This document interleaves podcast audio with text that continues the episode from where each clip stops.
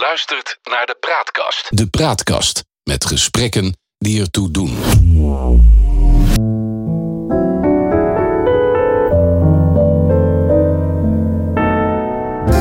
Welkom bij de Praatkast.nl. Dit is een aflevering van het Geheugenpaleis. Mijn naam is John Knierim en samen met Han van der Horst maken we deze podcast. De geschiedenis herhaalt zich nooit, maar rijmen doet hij vaak wel. En dat gegeven gebruiken we in het Geheugenpaleis om dieper in te gaan op de actualiteit. We proberen te ontdekken wat werkelijk belangrijk is. En tussen beide blijkt dat de werkelijkheid vaak genoeg elke fantasie te boven gaat. De Fransen hebben de Europese gedachte gered. Macron mag op als president voor nog een tweede termijn van vijf jaar. En Marine Le Pen had tegelijkertijd nog nooit zoveel aanhangers. Han, hoe duid jij de uitslag van deze verkiezingen? De overwinning van het gezond verstand. Ik heb ooit van mijn eh, journalistieke leermeester, de helaas overleden socioloog Henk Bakker, geleerd dat je het gezond verstand van de gewone mensen nooit moest onderschatten, maar dat juist de intellectuelen gevaarlijk waren. En dit is met deze verkiezingsuitslag opnieuw bewezen. Ja. Ehm, aan de andere kant kun je nog iets anders eh, wel zeggen. Het was te verwachten. Stel je voor dat er in Nederland verkiezingen zouden zijn tussen Wilders en Rutte. En dat is de keus die je hebt. Dan zou ook Rutte uh, de grootste overwinning uit zijn hele carrière behalen. Zonder meer. En dat is ook wel in Frankrijk gebeurd. Er is door heel veel mensen tegen Marine Le Pen gestemd. En ze konden dat alleen maar doen door voor Macron te stemmen. Ja, als je nou kijkt naar de uitslag van de eerste ronde, want in Frankrijk zijn de verkiezingen als een kandidaat niet de absolute meerderheid haalt, altijd in twee rondes. In die eerste ronde had Marine Le Pen maar een heel klein, een kleine voorsprong van, van nou, wat is het, nog geen, geen 2% van Jean-Luc Mélenchon, een, een, een linkse kandidaat. Dat, dat, was maar een, ja, dat scheelde maar een haartje voor haar. Dus dat ook een tweestrijd tussen een hele linkse kandidaat en Macron kunnen worden. Had het ook kunnen worden. En in dat geval zou Macron het ook gewonnen hebben, omdat dan heel veel rechtse mensen liever op Macron hadden gestemd dan op uh, deze Franse versie van Jan Marijnissen. Ja. Die uh, in rechtse kringen diep en diep gehaat is. Waar ze bij in, waar links natuurlijk erg op hoopte, was dat het een strijd zou worden. En dat had zeker kunnen gebeuren tussen die Macron en die uh, linkse kandidaat. Omdat er dan in ieder geval een soort Verenigd Links zou optreden in Frankrijk. Verenigd Echt Links. En dat hebben we al een decennium niet gezien. Ja. Eh, belangrijk voor uh, Europa, want uh, Macron is een echte aanhanger van de Europese gedachte. Uh, hij is op dit moment eigenlijk wel ja, een trekker van uh, de hele Europese Unie, zou je uh, kunnen zeggen. Hij is ook voor, voor verdere integratie. Um, en alhoewel hij niet zo populair is onder de bevolking, zien ze in hem toch wel een goede crisismanager. Ja, dat is hij natuurlijk ook wel geweest de afgelopen jaren. Maar ja. aan de andere kant bestaat er ook wel heel veel kwade wil tegen hem natuurlijk. Ja, vertel er eens wat over. Uh, er is heel veel boosheid over allerlei maatregelen die hij genomen heeft. En ja. het zijn ook maatregelen waarbij hele oude rechten juist van werknemers worden aangetast. Hè. Je moet ja. daarbij bijvoorbeeld denken aan zijn wens om de pensioengerechtigde leeftijd te verhogen. Die uh, is in Frankrijk nog steeds 62 jaar. En dan kunnen wij dat hier in Nederland wel idioot, idioot en verregaand vinden. Maar heel veel, voor heel veel Frans is dat een gouden uh, verworvenheid die ze niet aan laten tasten uh, door ja. geen enkel vertoog. Nee, dus, dus uh, wat dat betreft is die ook niet, niet onomstreden. Marine Le Pen is wat extremer in haar gedachten. Ze staat bekend als een, een aanhanger van, van, van, van Poetin.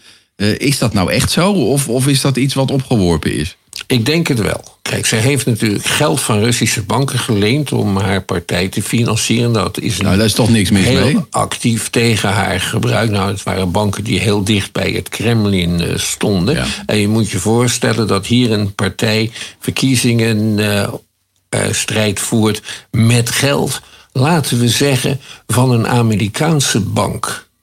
Die nauw gelieerd is aan aan de rechtse republikeinen. Daar, hoe dat over zou komen. Of als premier Rutte geld uh, zou krijgen van Rusland om zijn campagne te voeren. Ja, zoals Thierry Baudet geld heeft gekregen uit Rusland, wat sommigen suggereren. Ja, precies. Dus dat, dat valt slecht, dat heeft ze gedaan. Maar het heeft uiteindelijk te maken met haar ideologie.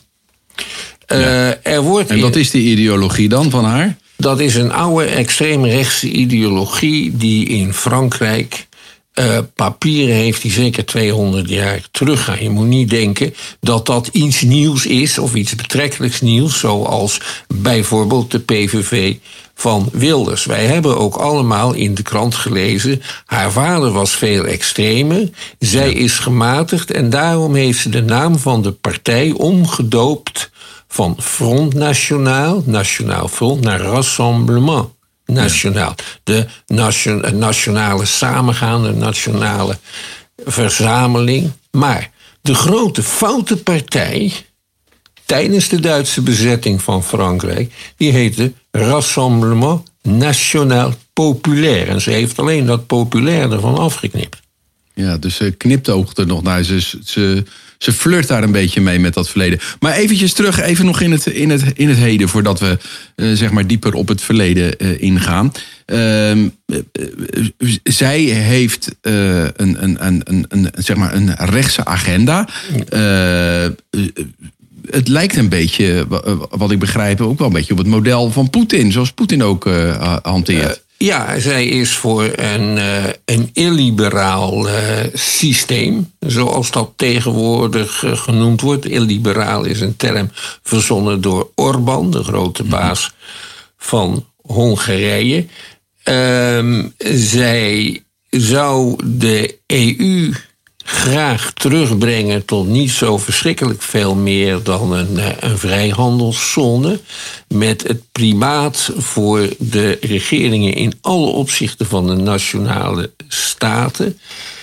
Um, zij stelt voor om discriminatie in de wet op te nemen. Zij vindt namelijk dat geboren in Franse, en dan denkt ze daarbij aan blanke Fransen, voorrang zouden moeten krijgen. Bijvoorbeeld bij sociale huurwoningen.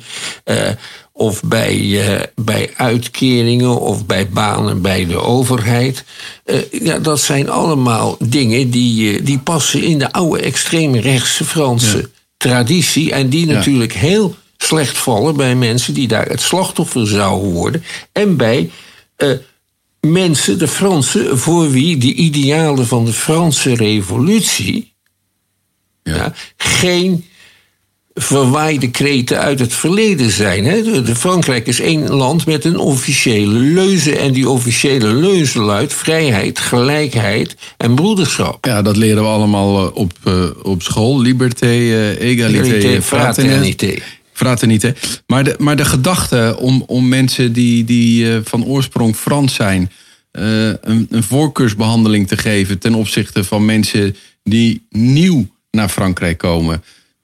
Ja, waarom is dat een foute gedachte? Ik kan me er wel iets bij voorstellen. Zeker als je in een achterstandspositie zit.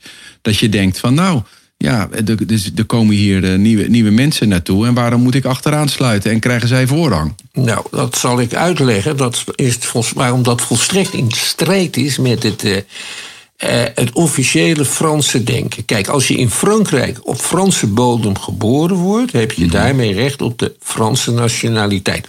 Omdat je op een, in een bepaald gebied geboren bent. Datzelfde geldt voor de Verenigde Staten. Als jij ouders op vakantie gaat en je wordt in Amerika geboren, ben je dus Amerikaan. Ik ken uh, mensen die daarvoor speciaal naar Amerika gaan om daar een kind uh, ter wereld te brengen. Ja. Precies. Dus dat is, dat is een bepaald principe. In Duitsland hangen ze een ander principe aan. En dat principe is: Duitser ben je als je lid bent van het Duitse volk. En er is maar één manier om dat te bepalen. En dat is door afstamming. En er zijn dan ook, na de val van de muur, miljoenen Russen, Sovjetburgers, naar Duitsland gekomen. Mm. En die toonden daaraan dat zij van Duitse afstamming waren. Dus kregen ze zonder enig probleem de Duitse nationaliteit. Eh, terwijl het voor immigranten uit Turkije bijvoorbeeld of, eh, een stuk lastiger is. Want die kunnen die afstamming niet aantonen. En zo is het ook in Italië zo dat iedereen die kan aantonen dat hij van Italiaanse afkomst is in de verte. Uh, die, krijgt, die kan makkelijk die Italiaanse nationaliteit gebruiken. En daar maken veel Latijns-Amerikanen gebruik van, omdat die zeggen: kijk maar, hier, dit is onze Italiaanse voorvader.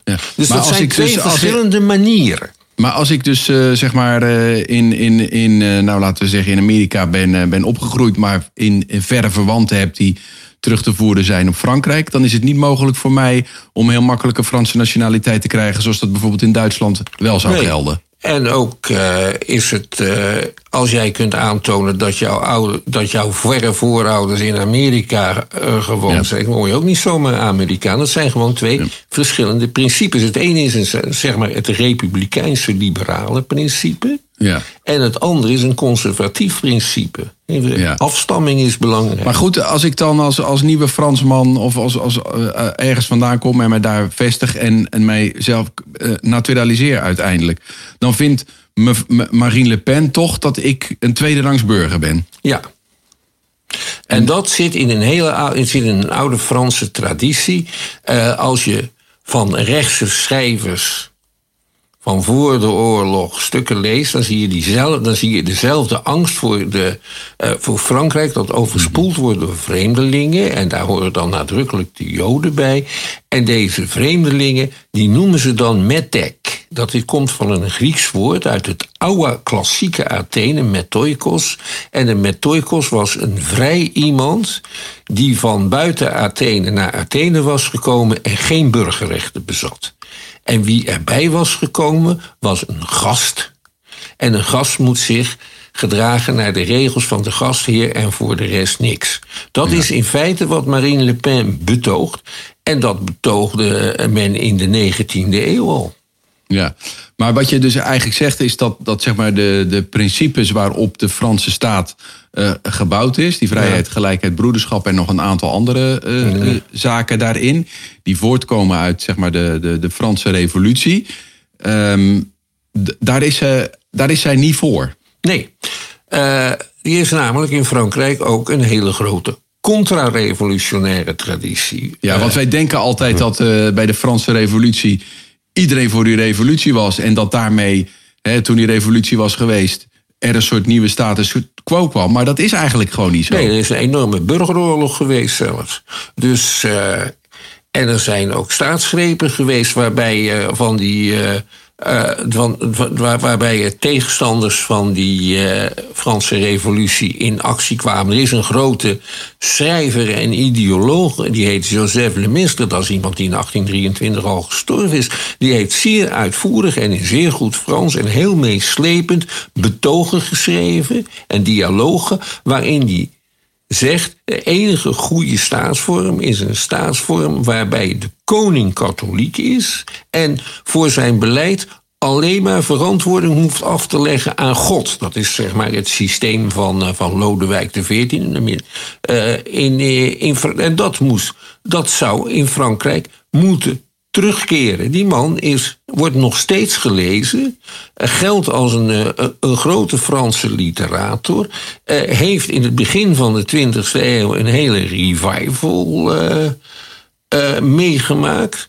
Ehm, er is in Frankrijk vanaf het jaar 1900 ongeveer een enorme rechtse beweging opgekomen. Waarom is een beroemde affaire de affaire Dreyfus. Dat gaat over een Joodse officier. Er is pas een film over verschenen. Een fantastische film trouwens. Kan ik iedereen aanbevelen. Ja, die is geweldig. En die is ook, laat het precies zien wat er gebeurd is.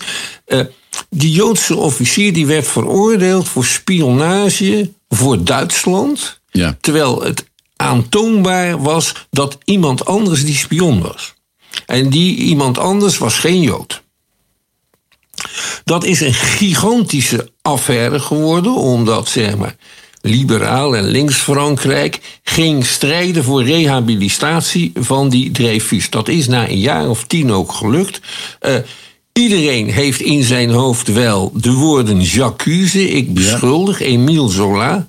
De schrijver Emile Zola heeft een, over de affaire Dreyfus een open brief geschreven aan de toenmalige Franse president. En die begint met de woorden: Ik beschuldig, j'accuse. En dan toont hij zonneklaar aan dat Dreyfus het niet gedaan kan hebben. Bijna burgeroorlog van gekomen. Ja. Uh, maar dat is een uiting van, van zeg maar die, die xenofobie van, de, van de Fransen. Als je niet tot ons behoort, dan hoor je er eigenlijk niet, niet bij. Je en nog iets in dat kader is ook de ideologie nader uitgewerkt door iemand die nog steeds ook wordt beschouwd als een van de grootste Franse schrijvers, Charles Maurras. En die ehm, schreef, de, uh, die was onder meer de, min of meer de hoofdredacteur van een krant, de Action Française, en leider van een hele beweging die een terugkeer van de koning wilde. Hoewel die zelf atheïst was, wilde die het katholicisme tot een soort staatsgodsdienst maken. Daar hadden de bisschop en de katholieke kerk was, was daar absoluut niet van gediend van, uh, van deze meneer. Maar dat is een zeer invloedrijke schrijver. Ja, hey, maar als je dit zo, zo beschrijft, hè, en, en eigenlijk een, een, een door, de, door een opperwezen aangewezen uh, vorst, die ook alleen eerst moet, moet zijn, er is niet zoveel verschil met, met Rusland als ik dat zo hoor. Nee, dat lijkt ook op de ideologie van Poetin. Die is trouwens ook al een oude ideologie, ongeveer even oud eigenlijk. Heeft ook erg te maken met, met, met nationalisme. Vandaar ook dat, dat, dat Marine Le Pen zeg maar een geestverwant ziet in, uh, in Poetin. Die, die oude uh, lui van Action Française die hadden het over integraal nationalisme. En dat integrale nationalisme vind je bij, Jean, bij, bij, bij uh, Marine Le Pen en haar beweging ook. En trouwens ook bij, bij Thierry Baudet. Ja. Die kent die traditie volgens mij ook heel goed, waar ik het nu net over heb. Dat blijkt uit zijn uitingen. Ja. Maar ook bijvoorbeeld uh, ten tijde van de, de, de Tweede Wereldoorlog uh, was het nou niet zo dat uh, Frankrijk een danige tegenstander was van, van, van Duitsland. Ja, nou, ze verloren de oorlog. Ja. En daarna is er een nieuwe regering gevormd die, de, die gecapituleerd heeft. Dat is een regering onder leiding van de grote Franse held uit de Eerste Wereldoorlog, Maarschalk Petain. Die hebben toen onmiddellijk ook een einde gemaakt aan de democratie en aan de Franse Republiek en er iets voor in de plaats gesteld. Dat heette de Franse staat. Uh, die onmiddellijk allerlei antisemitische maatregelen uitvaardigde, nog voordat de Duitsers daarom hadden gevraagd. En die een, nou, een heel vriendschappelijke verhouding ontwikkelde ten opzichte van uh, Duitsland. Het hele Franse volk stond daarachter op een kleine minderheid na. En die kleine minderheid die zag wel wat in een van de Franse generaals die naar Engeland was gevlucht. Dat was generaal Charles de Gaulle. Maar het duurde tot 1943, ongeveer eind half 42, 43, voor de Fransen langzamerhand over begonnen te stappen op de Gaulle en Petain en zijn regering in de steek lieten. En een van de mensen die dat gedaan hebben was bijvoorbeeld François Mitterrand, de latere socialistische president. Maar die is begonnen. Die was eerst een aanhanger van Petain geweest. Topambtenaar in zijn regime. Ja. Dus er is ook een beetje vuile handen daarin. Maar ook die meneer uh, uh, Charles de Gaulle, die toch als een groot staatman uh, wordt gezien. Die was er niet zo voor, zeker na, na, na, na zijn tweede of zijn derde termijn die vond toch eigenlijk ook wel dat hij meer macht eh, zou, uh, zou moeten hebben. Dat, dat klinkt toch ook niet heel democratisch? Uh, nee, nou, de Gaulle vond met velen dat Frankrijk eigenlijk onregeerbaar was. Ze hadden een systeem net als het onze, met regeringen die door het parlement ten val konden worden gebracht. En dat gebeurde gewoon elk jaar, elk anderhalf jaar. Je had instabiele regeringen. Heel veel, vaak wel met dezelfde centrale politici erin. En de Gaulle meende dat Frankrijk op die manier onbestuurbaar was, vooral in crisissituaties. Dus hij wilde meer een Amerikaans systeem met een heel machtige president. En dat is er ook gekomen. En dat is er ook gekomen. Dat heeft hij in 1958 verkeerde Frankrijk in een enorme crisis. Dat had te maken met de koloniale oorlog die het voerde in Algerije. Ja. En de Gaulle werd gevraagd. Hij was de enige die een oplossing zou kunnen bieden. En dat heeft hij gedaan onder voorwaarden. En dat is een radicale hervorming van de republiek. En nu heeft Frankrijk van die zeer machtige presidenten. Ja, kan je nou zeggen dat, dat Frankrijk een echt een, een eigenlijk een beetje ja, behoorlijk rechts land is en, en rechtser dan veel andere Europese landen? Nee, dat niet. Uh, goed, maar, 40 procent die, die, die, die stemt op uh, Marine Le Pen. Ja, uh, onder, onder 21 procent. Maar als de keuze is tussen Marine Le Pen en iemand anders, kiest 40 procent, 41 procent voor haar. Ja. Elk jaar, elke keer weer, dan krijgt zij extra stemmen. Ja. Uh, maar en, daar, en Frankrijk heeft die oude, hele oude rechtse traditie. Maar om nou te zeggen, het is rechtser dan andere landen. Nee, maar je moet wel beseffen dat een behoorlijk deel van de Fransen ideologisch in die hoek zit. Vroeger noemden die mensen zich ook les bien pensants, de weldenkenden. Alsof de rest niet... Nou, ja, niet weldenkenden. Ja. Het is, uh, in 1934 is er, een, is er een opstand geweest met 200 doden. En, en dat, dat, dat was uh, een aanval van extreem rechts op het parlement. Ja. Ja, de revolutie is uiteindelijk niet doorgegaan omdat iedereen toch de laatste metro naar huis wou nemen. echt waar. Is dat echt waar? Dat is echt waar. Ja? En, nou, dat zijn maar, een beetje halfzacht uh, revolutionair waren dat dan. Ja, maar het waren er wel veel. En dat was midden in Parijs. Ja. Ja. Maar, maar aan de andere kant ook de hele linkse traditie met het Volksfront en zo. En de Joodse premier Leon Bloem, die de achtuurige werkdag heeft ingevoerd. En de basis heeft gelegd voor al die verworvenheden die Macron nu ter discussie wil stellen. Het, het, het is een land met twee, ja, land met twee gezichten. Maar je kan toch niet zeggen dat het, dat het zeg maar, ja, in, in de basis bijvoorbeeld veel rechtser is dan dat Nederland is. Dat zou je toch niet kunnen zeggen? Nou, als je gaat kijken naar het, het stemmenpercentage uh, van Marine Le Pen, de andere rechtse kandidaten bij de eerste ronde, uh, dan is dat ongeveer hetzelfde als in Nederland, als je tenminste jaar ja. 21 en uh, Baudet's partij en die, die, die, die, die, die andere rare club en de PVV ja. ja. van haar bij elkaar optelt, dan kom je ook op zoiets. Dus ja. dat, is, dat is eigenlijk niet zo vreemd. En dat in Duitsland, idem dito, daar heb je ook nog die. Uh, uh, die, altern, die zogenaamde alternatieven voor Duitsland. En kijk eens, en kijk eens naar, uh, naar Italië bijvoorbeeld. Ja. Met Berlusconi en zijn club. Ja, en, en, en de partijen ja. rechts daarvan. Ja.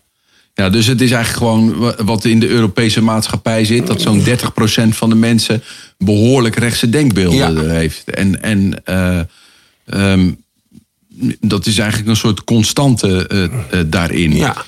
Nou goed, hij is op dit moment, uh, Macron, als president gekozen. toch wel met een overtuigende meerderheid, ja. kan, je, kan je zeggen. Um, binnenkort zijn de parlementsverkiezingen. Ja. Daarmee is op zijn minst gezegd dat hij daarin dan weer de almacht krijgt. Of het zou best kunnen dat Le Pen daar heel sterk in wordt. Of, dat of... weet je niet. Um, Kijk, die verkiezingen van, gaan via een districtenstelsel en ook via twee rondes. Ja. Dus um, dan moet in de, in, in, in de tweede ronde wordt bepaald welke kandidaat het, uh, de, het de departement gaat vertegenwoordigen. En dat leidde er naartoe dat Marine Le Pen en haar partij in het huidige parlement maar acht zetels heeft. Hoewel het stemmenpercentage in de eerste ronde veel en veel hoger was. In de tweede ronde ook, maar het was niet genoeg. Uh, uh, de meerderheid van de parlementsleden, 308, zijn aanhangers van Macron. Die zijn lid van zijn nieuwe partij, de Republiek, ja. op Mars. Maar ja, dat bestaat maar vier jaar. Dat heeft nauwelijks een, uh, een structuur. Ja. Dus wat daaruit zou kunnen voortkomen is een parlement waarin Macron niet meer de meerderheid heeft. Dat, en dan moet hij regeren met een regering, met een premier, die eh, uit de oppositiepartijen eh, komen. Dat kan best. Ja. Mitterrand heeft dat ook gedaan. En, uh, en dat lukt wel.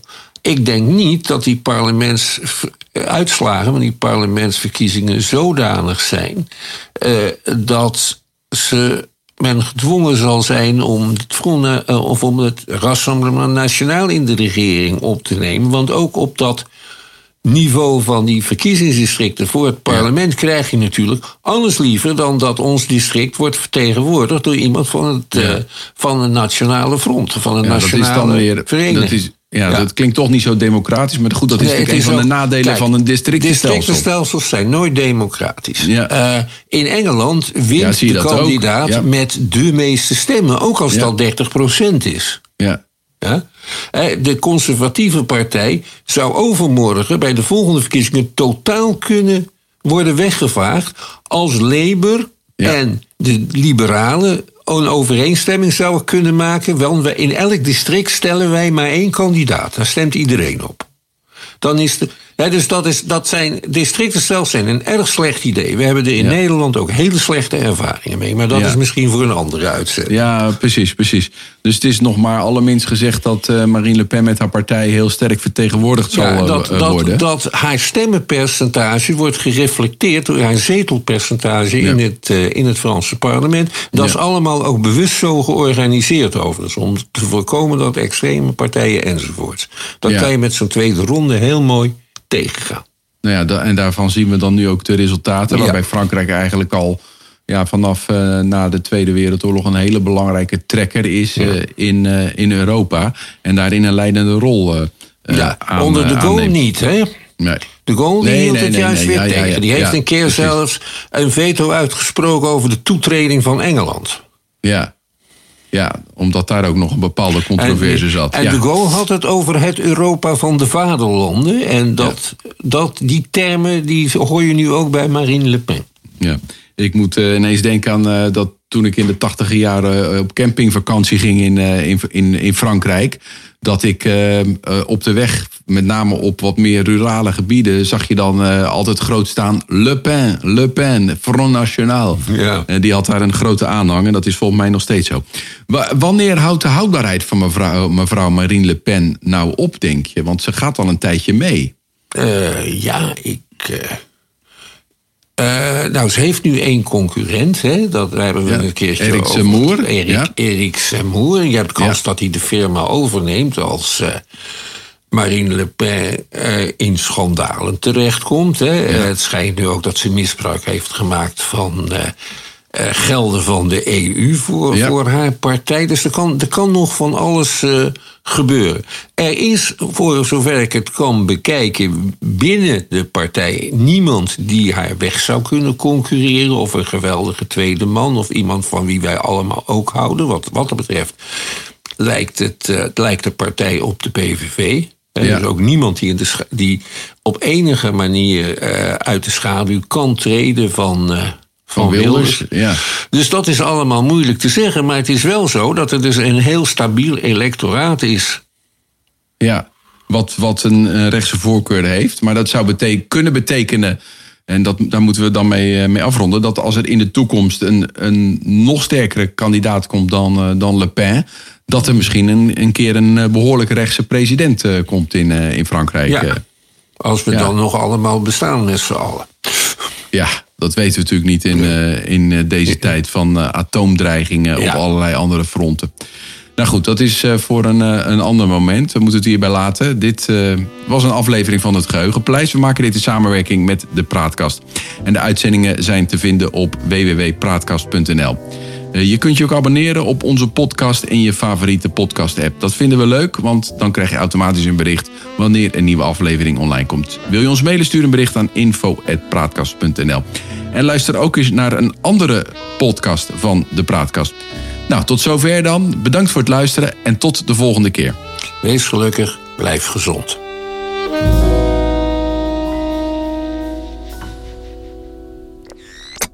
De Praatkast.